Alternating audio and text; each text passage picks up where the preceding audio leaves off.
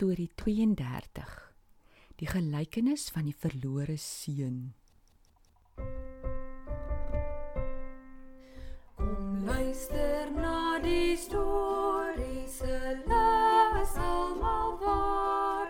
Al wil jou hart kom aanraak, so maak jou daarvoor klaar.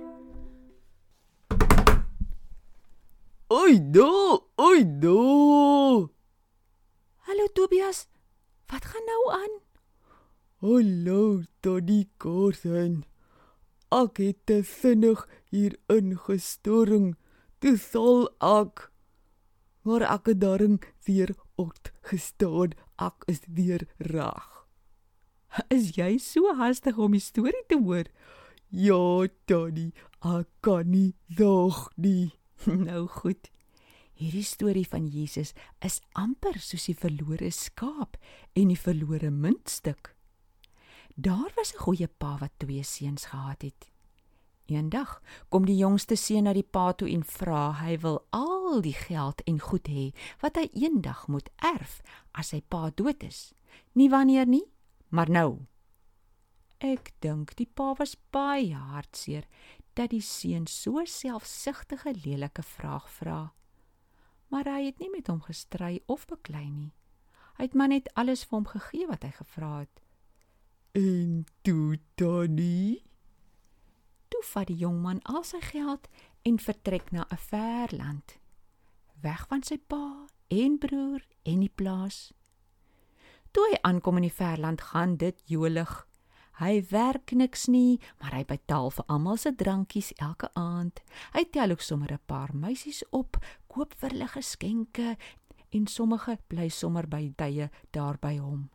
So gaan dit vir 'n hele tydjie baie lekker tot op 'n dag. dat gebeur toe.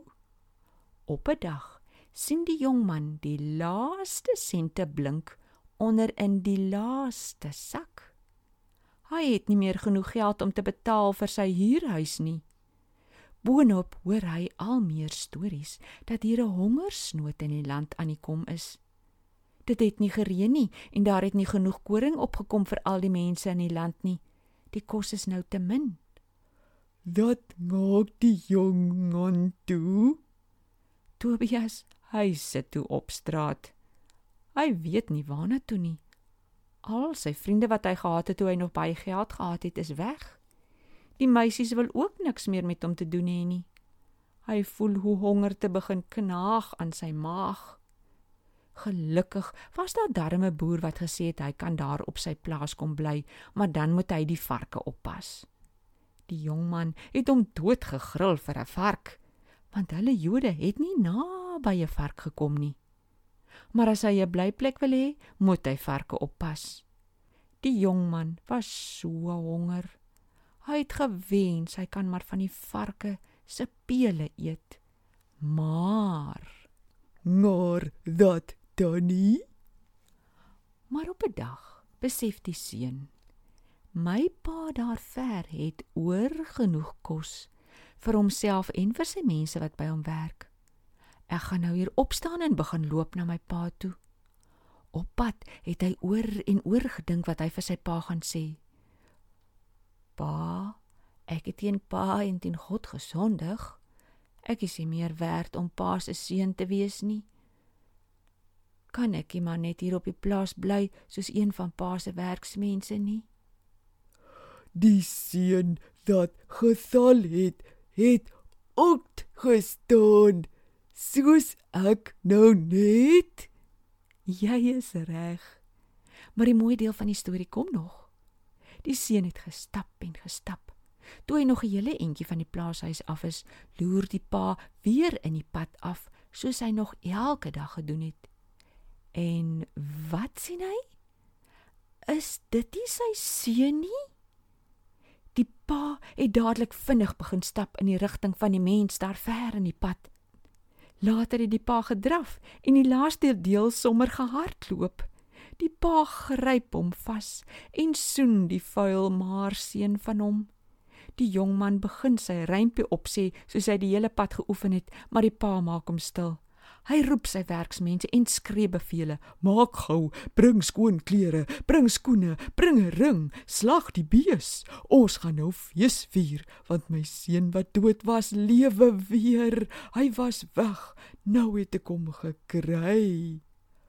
En die ander broer Tannie, Die ander broer hoor toe die feestelike musiek en vra wat gaan aan. Een van die werksmense vertel toe gou en net daar raak die oudste broer woedend, kwaad. Hy wil nie eers in die huis inloop nie, so kwaad is hy. Sy pa kom uit na hom toe en hy begin praat. pa, wat gaan hier aan?